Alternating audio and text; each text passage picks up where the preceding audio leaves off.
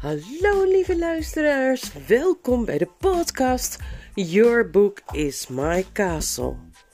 Aflevering 89.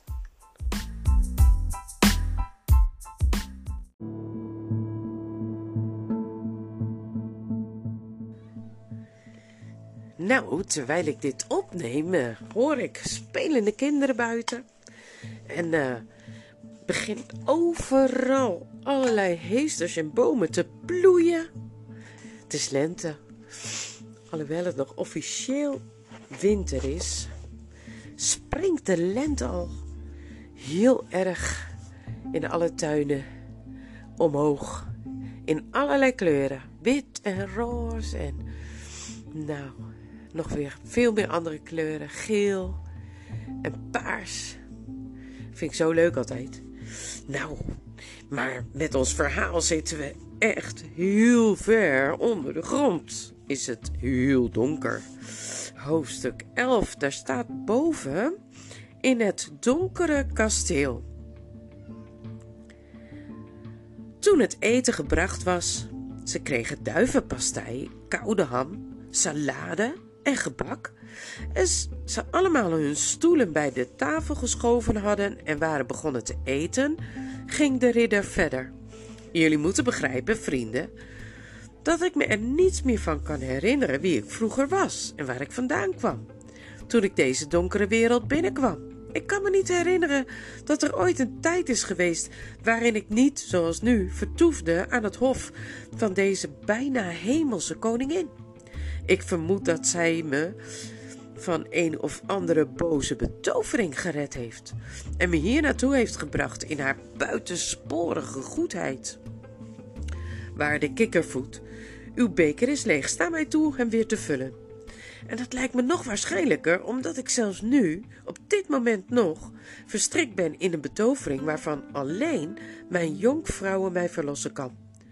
Elke nacht weer breekt het tijdstip aan waarop mijn verstand op een afschuwelijke manier verandert. En na mijn verstand verandert ook mijn lichaam. Want eerst word ik wild en woest en als ik dan niet vastgebonden zat, zou ik me zo op mijn allerliefste vrienden storten en ze vermoorden. En niet lang daarna verander ik in het evenbeeld van een geweldige slang, hongerig, vals en dodelijk. Jonge vriend, eet nog wat. Neem toch alsjeblieft nog een duivenborstje? Dat vertellen ze me en dat is beslist de waarheid, want mijn jonkvrouwe zegt het ook. Zelf weet ik er niks van, want als die tijd om is en ik wakker word, ben ik die hele boosaardige aanval vergeten. Dan heb ik weer mijn gewone lichaam en ben ik weer goed bij mijn verstand. Alleen ben ik dan wel wat vermoeid. Kleine jonkvrouw, proef eens zo'n honingkoek. Die worden voor mij uit een of ander barbaars land in het verre zuiden van de wereld gehaald. Nu weet Hare Majesteit de Koningin, door haar speciale gave, dat ik van die betovering verlost zal zijn zodra ze mij koning maakt van een rijk in de bovenwereld en de kroon van dat land op mijn hoofd zet. Ze heeft al een land uitgekozen en zelfs al precies de plaats uitgezocht waar we uit zullen breken.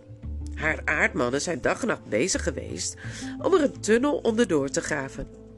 En ze zijn nu al zo ver en zo hoog gekomen dat ze aan het graven zijn op nog eens zes meter onder het gras waarop de bovenkanters van dat land lopen. Nu zal het niet lang meer duren voordat het lot van die bovenlanders is beslist. Vannacht is hij zelf bij de graafwerkzaamheden aanwezig en ik verwacht elk moment een boodschap om te zeggen dat ik naar haar, dat ik naar haar toe moet komen. Dan zullen we door het dunne dak van de aarde, dat me nu nog van mijn koninkrijk scheidt, heenbreken. Onder haar leiding en met de hulp van duizend aardmannen zal ik dan gewapend voorwaarts rijden onze vijanden onverwachts aanvallen, hun aanvoerders doden, hun vestingen omverhalen en ongetwijfeld binnen 24 uur tot hun wettige koning gekroond worden. Wel een beetje vervelend voor hen, vind je niet? zei Schreutel. Jij bent een knul met een wonderbaarlijk vlug verstand, riep de ridder uit, want op mijn woord van eer zo had ik het nog nooit bekeken. Ik begrijp wat je bedoelt. Een paar tellen lang keek hij een beetje, heel klein beetje bezorgd, maar al gauw klaarde zijn gezicht weer op en riep hij met zijn bekende luidruchtige lach: Maar vooruit, niet zo ernstig nu.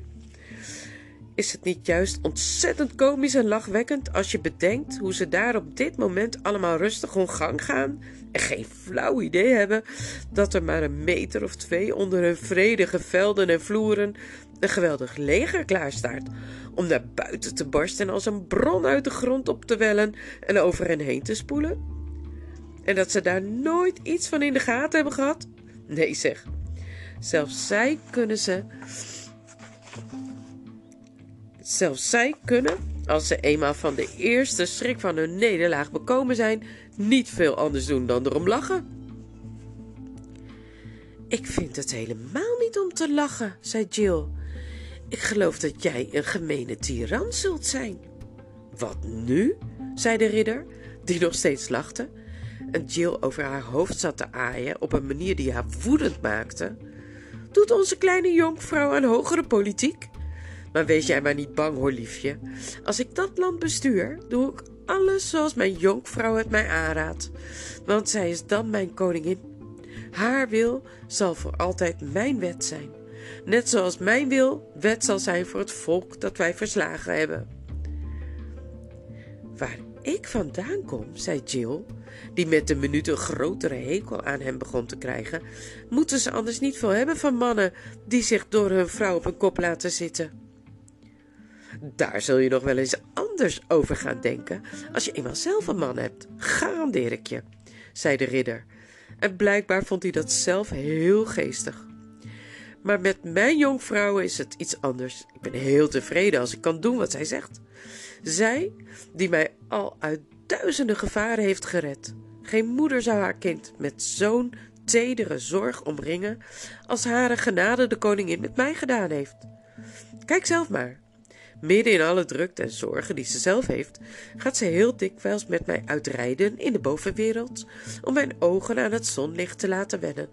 En dan moet ik mijn volledige wapenrusting aan en mijn vizier dicht, zodat geen mens mijn gezicht kan zien en ik mag tegen niemand praten, want zij heeft door haar toverkunst ontdekt dat dat mijn verlossing van de droeve betovering waaronder ik gebukt ga zou tegenhouden. Is dat nu geen vrouwen die de volle aanbidding van een man waard is? Inderdaad, een heel aardige dame zo te horen, zei Puddelglum op een toon die precies het tegenovergestelde betekende. Voordat ze het eten op hadden, hadden ze al schoon genoeg van al dat gepraat van die ridder. Puddelglum zat te denken. Ik vraag me af wat voor spelletje die tovenares echt speelt met deze jonge suffert hier. Schreutel zat te denken. Hij is niks anders dan een grote baby. Hij hangt gewoon aan de rokken van die vrouw. Wat een slappeling. En Jill zat te denken. Hij is het domste, verwaandste, zelfzuchtigste stuk onbenul dat ik in jaren ben tegengekomen. Maar toen de maaltijd afgelopen was, was de ridder in een heel andere bui. Nu lachte hij niet meer.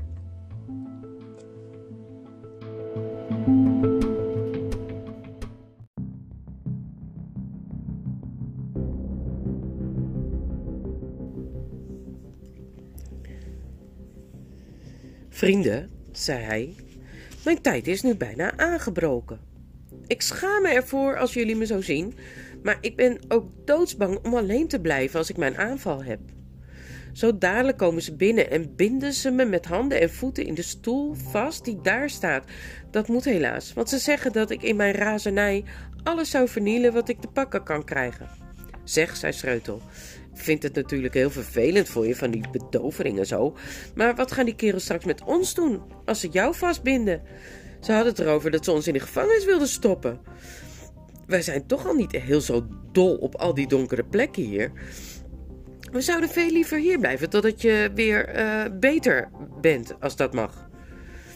Dat is erg aardig van je, zei de ridder. Gewoonlijk blijft er in mijn kwade uren niemand anders bij me dan de koningin zelf. Zij is zo teder bezorgd om mijn eer, dat ze niet toestaat dat andere oren dan de hare horen wat ik er in mijn waanzin allemaal uitkraap. Maar het zal niet makkelijk zijn mijn dienaren, de aardmannen, over te halen jullie bij me te laten blijven. En ik geloof dat ik daar hun zachte voeten al op de trap hoor. Gaan we door die deur daar. Die gaat naar mijn andere vertrekken. Daar kunnen jullie dan of afwachten tot ik kom als ze me weer losmaken, of als jullie willen terugkomen en bij me blijven zitten in mijn razernij. Ze deden wat hij gezegd had en gingen de kamer uit door een deur die ze nog niet eerder open hadden gezien. Zo kwamen ze, en daar waren ze blij om, niet in het donker terecht, maar in een verlichte gang. Ze voelden aan een paar deuren en vonden ergens water om zich wat te wassen. Dat hadden ze langzamerhand wel hard nodig en zelfs een spiegel. Hij heeft ons niet eens gevraagd of we onze handen even wilden wassen voor het eten, zei Jill, terwijl ze haar gezicht stond af te drogen. Dat egoïstische stuk onbenul denkt eigenlijk alleen maar aan zichzelf. Gaan we terug om naar die betovering te kijken of zullen we hier blijven? Hier blijven, vind ik, zei Jill. Ik wil het veel liever niet zien. Toch was ze wel een beetje nieuwsgierig. Nee, teruggaan, zei Puddelglum. Misschien krijgen we nog wat te horen waar we iets aan hebben. En we hebben alle informatie nodig die we kunnen krijgen. Ik ben ervan overtuigd dat die koningin een tovenares is. En dat zij onze vijand is. En die aardmannen zouden ons het liefst meteen een tik op onze kop geven, zonder ons eerst eens goed te bekijken. De geur van gevaar en leugens en tovenarij en verraad is in dit land sterker dan ik hem ooit van mijn leven ergens geroken heb. We moeten onze ogen en oren open houden. Ze liepen weer terug door de gang en duwden zacht de deur open. Het is veilig hoor, zei Schreutel, waarmee hij bedoelde dat er geen aardmannen in de buurt waren. Daarop kwamen ze allemaal weer de kamer in waar ze hun avondeten gegeten hadden. De hoofddeur zat nu dicht, zodat je de gordijnen waar tussendoor ze waren binnengekomen niet meer kon zien. De ridder zat in een eigenaardige zilveren stoel, waaraan hij vastgebonden was bij zijn enkels, zijn knieën, zijn ellebogen, zijn polsen en zijn middel. Zijn voorhoofd was nat van het zweet en zijn gezicht stond bang. Hij keek snel op. Kom binnen, vrienden, zei hij. Mijn aanval is nog niet begonnen. Pas op dat ze je niet horen, want ik heb tegen die gluiperd van de kamerheer gezegd dat jullie in bed liggen. Nu, nu, ik voel het aankomen. Vlug, luister goed terwijl ik mezelf nog ben. Als ik die aanval heb, kan het best zijn dat ik jullie met mooie beloften en dreigementen zal bidden en smeken mijn boeien los te maken. Dat doe ik dan, zeggen ze. Ik zal het jullie bezweren bij alles wat mooi en lelijk is. Maar je moet niet naar me luisteren. Zorg dat je hart keihard is en stop je oren dicht. Want zolang ik vastgebonden zit, zijn jullie veilig. Maar als ik eenmaal kans zou zien om op te staan uit deze stoel, dan zou ik eerst als, eerst als een razend keer gaan en daarna, hij huiverde, in een walgelijke slang veranderen. Wees maar niet bang dat we je los zullen maken, hoor, zei Puddelglum. We hebben er helemaal geen behoefte aan om wilde mannen van dichtbij mee te maken en slangen ook niet. Nee, zeg alsjeblieft niet, zeiden Schreutel en Jill. Even goed, voegde Puddelglum er fluisterend aan toe. Laten we maar niet al te zeker van onszelf zijn. Laten we op onze hoede blijven. Verder hebben we alles al verknoeid, weet je nog? Het zou me niks verbazen als die kerel heel slim is. Straks, als hij een, keer bezig is, zullen, kunnen we op elkaar rekenen. Beloven we allemaal dat we die touwen niet zullen aanraken, wat hij ook zegt. Wat hij ook zegt hoor, denk erom. Nou en of, zei Schreutel. Hij kan niks ter wereld zeggen of doen dat mij van gedachten kan laten veranderen, zei Jill. St, er gebeurt iets, zei Puddelglum. De ridder kreunde. Zijn gezicht was zo bleek als stopverf. Hij kronkelde in zijn boeien. En of het nu kwam doordat ze medelijden met hem had of door iets anders, Jill vond hem er nu veel aardiger uitzien dan eerst. Oh, steunde hij. Al die betoveringen. Al die betoveringen. Dat zware, dichte, kille, klamme web van zwarte kunst. Ik ben levend begraven, meegesleurd. Naar beneden, onder de aarde, die roetzwarte duisternis in. Hoeveel jaar is het al terug? Leef ik nu al tien jaar in deze hel? Of is het duizend jaar? Niemand anders om me heen dan mannetjes die op maden lijken. O, genade, laat me hier toch uit. Laat me teruggaan. Laat me de wind weer voelen en de hemel zien. Vroeger was er een klein meertje. Als je daarin keek, kon je alle bomen onderscheiden. Kon je alle bomen ondersteboven in het water zien staan. Allemaal groen en heel diep daaronder de blauwe lucht. Hij had zacht zitten praten. Nu keek hij op en richtte zijn oog op hen en zei duidelijk hardop: Vlug, nu ben ik bij mijn verstand. Elke nacht heb ik even mijn eigen verstand terug. Als ik maar uit deze betoverde stoel kon komen, dan zou dat zo blijven.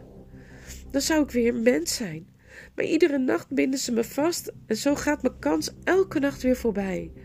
Maar jullie zijn mijn vijanden niet. Ik ben niet jullie gevangene. Vlug, snijd die touwen door. Volhouden.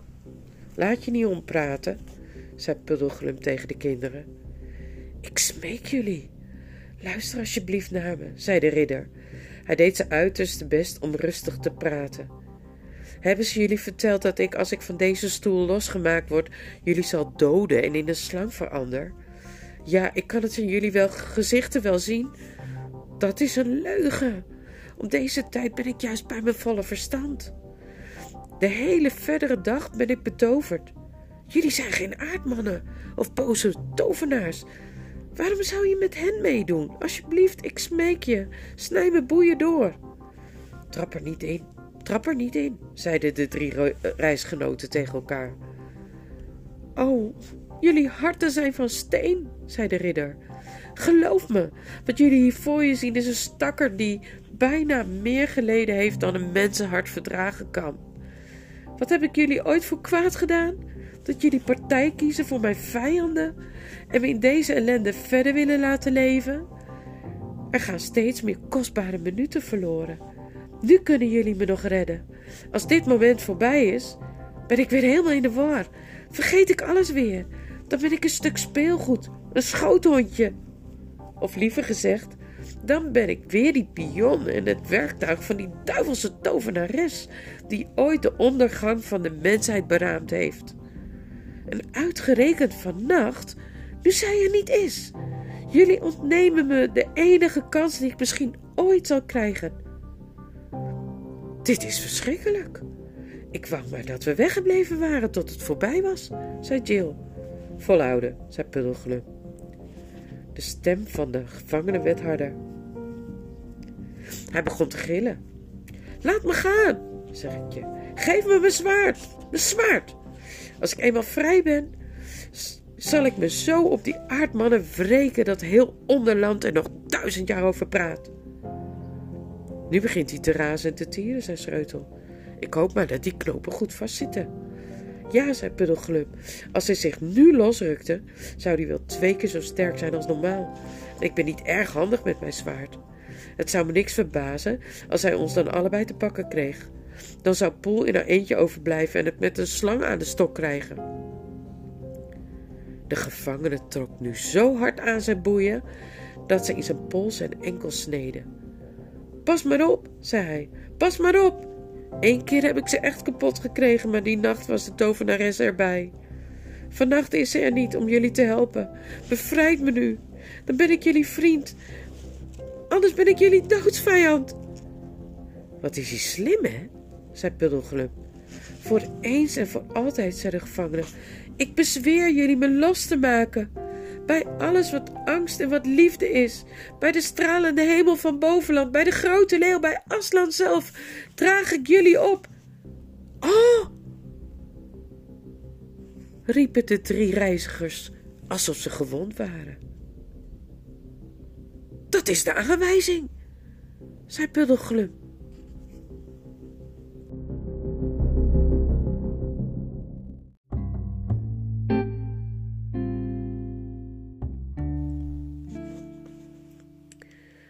Het zijn de woorden van de aanwijzing, zei Schreutel voorzichtig. Wat moeten we nou? zei Jill. Het was een vreselijk probleem. Wat voor zin had het dat ze elkaar beloofd hadden de ridder in geen geval los te maken als ze het nu toch deden? De eerste, de beste keer dat hij zich beriep op een naam waar zij toevallig echt veel om gaven. Aan de andere kant, wat had het voor zin gehad de aanwijzingen te leren als ze die niet gehoorzaamden? Maar kon Aslan echt bedoeld hebben dat ze zomaar ieder willekeurig iemand die het in zijn naam vroeg, zelfs een krankzinnige, los zouden moeten maken? Zou het geen toeval zijn? Of als de koningin van de onderwereld eens alles van die aanwijzingen wist en de ridder die naam had laten leren, alleen om hen in de val te lokken? Maar aan de andere kant, als dit nu eens echt de aanwijzing was. Ze hadden er, ze hadden er al drie gemist. De vierde mochten ze ook nog niet eens missen. Wisten we het maar, zei Jill. Ik geloof dat we het wel weten, zei Puddelglum. Bedoel je dat jij gelooft dat het allemaal wel goed zal komen als we hem losmaken, zei Schreutel. Ik weet het niet, zei Puddelglum. Zie je, Aslan heeft niet tegen Poel gezegd wat er zou gebeuren. Hij heeft alleen maar tegen haar gezegd wat we moeten doen. Als die vent eenmaal overeind staat, helpt hij ons waarschijnlijk alle drie om zeep. Dat zou me niks verbazen. Maar dat wil nog niet zeggen dat wij die aanwijzing niet hoeven op te volgen. Ze stonden elkaar met brandende ogen aan te kijken. Wat een vreselijk moment was dit. Goed dan, zei Jill opeens. Laten we het dan maar meteen doen, dan hebben we tenminste gat. Vaarwel, jongens. Ze gaven elkaar allemaal een hand. De ridder schreeuwde het inmiddels uit. Het schuim stond op zijn mond. Vooruit, Schreutel, zei Puddelglum. Schreutel en hij trokken hun zwaard en liepen naar de gevangenen toe. In naam van Aslan dan, zeiden ze, en begonnen de touwen één voor één door te snijden. Op hetzelfde moment dat de gevangene vrij was, stond hij in één sprong aan de andere kant van de kamer en greep zijn eigen zwaard dat hem was afgepakt en dat op de tafel was gelegd, en hij trok het. Eerst jij, riep hij, en hij stortte zich op de zilveren stoel.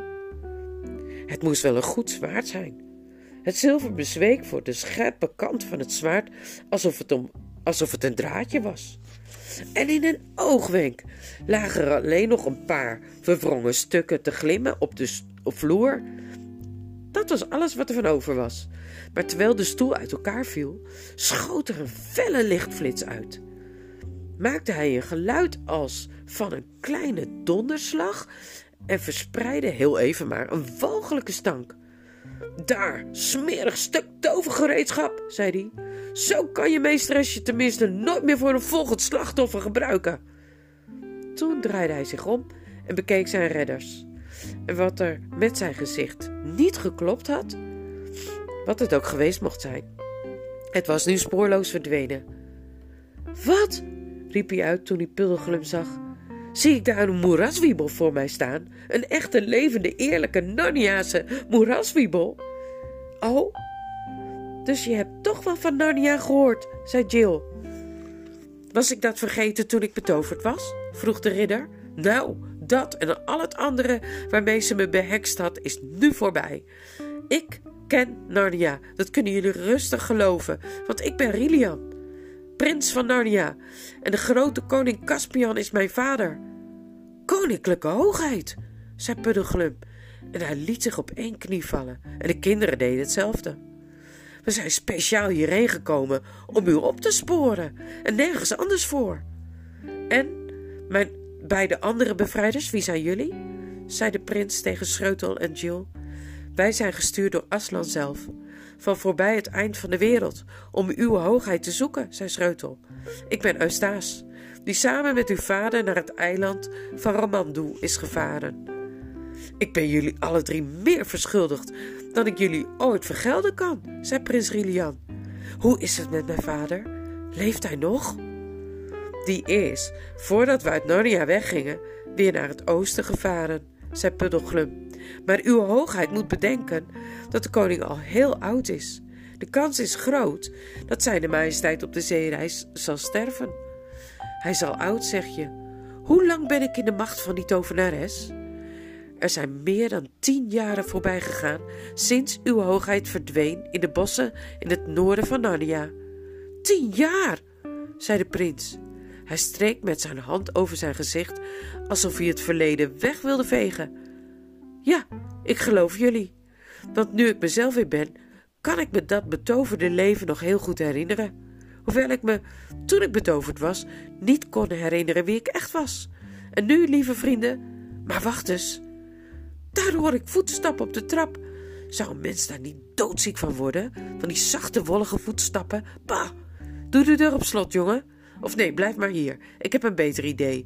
Ik kan die aardmannen wel voor de gek houden. Als Aslan me de slimheid geeft. Jullie letten op wat ik doe. En doe dan mee. Hij stapte vastberaden naar de deur en gooide hem wijd open.